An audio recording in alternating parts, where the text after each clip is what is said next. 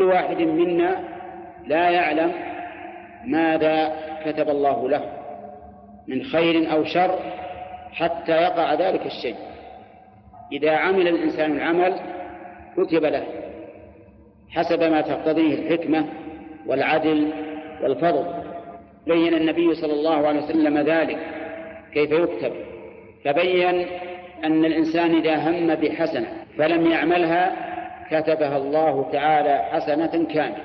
مثال ذلك رجل هم أن يتوضأ ليقرأ القرآن ثم لم يفعل ذلك عدل عن هذا فإنه يكتب له بذلك حسنة كاملة. هم أن يتصدق وعين المال الذي يريد أن يتصدق به ثم أمسك ولم يتصدق فيكتب له بذلك حسنة كاملة. هم أن يصلي ركعتين ثم أمسك ولم يصلي فإنه يكتب له بذلك حسنة كاملة.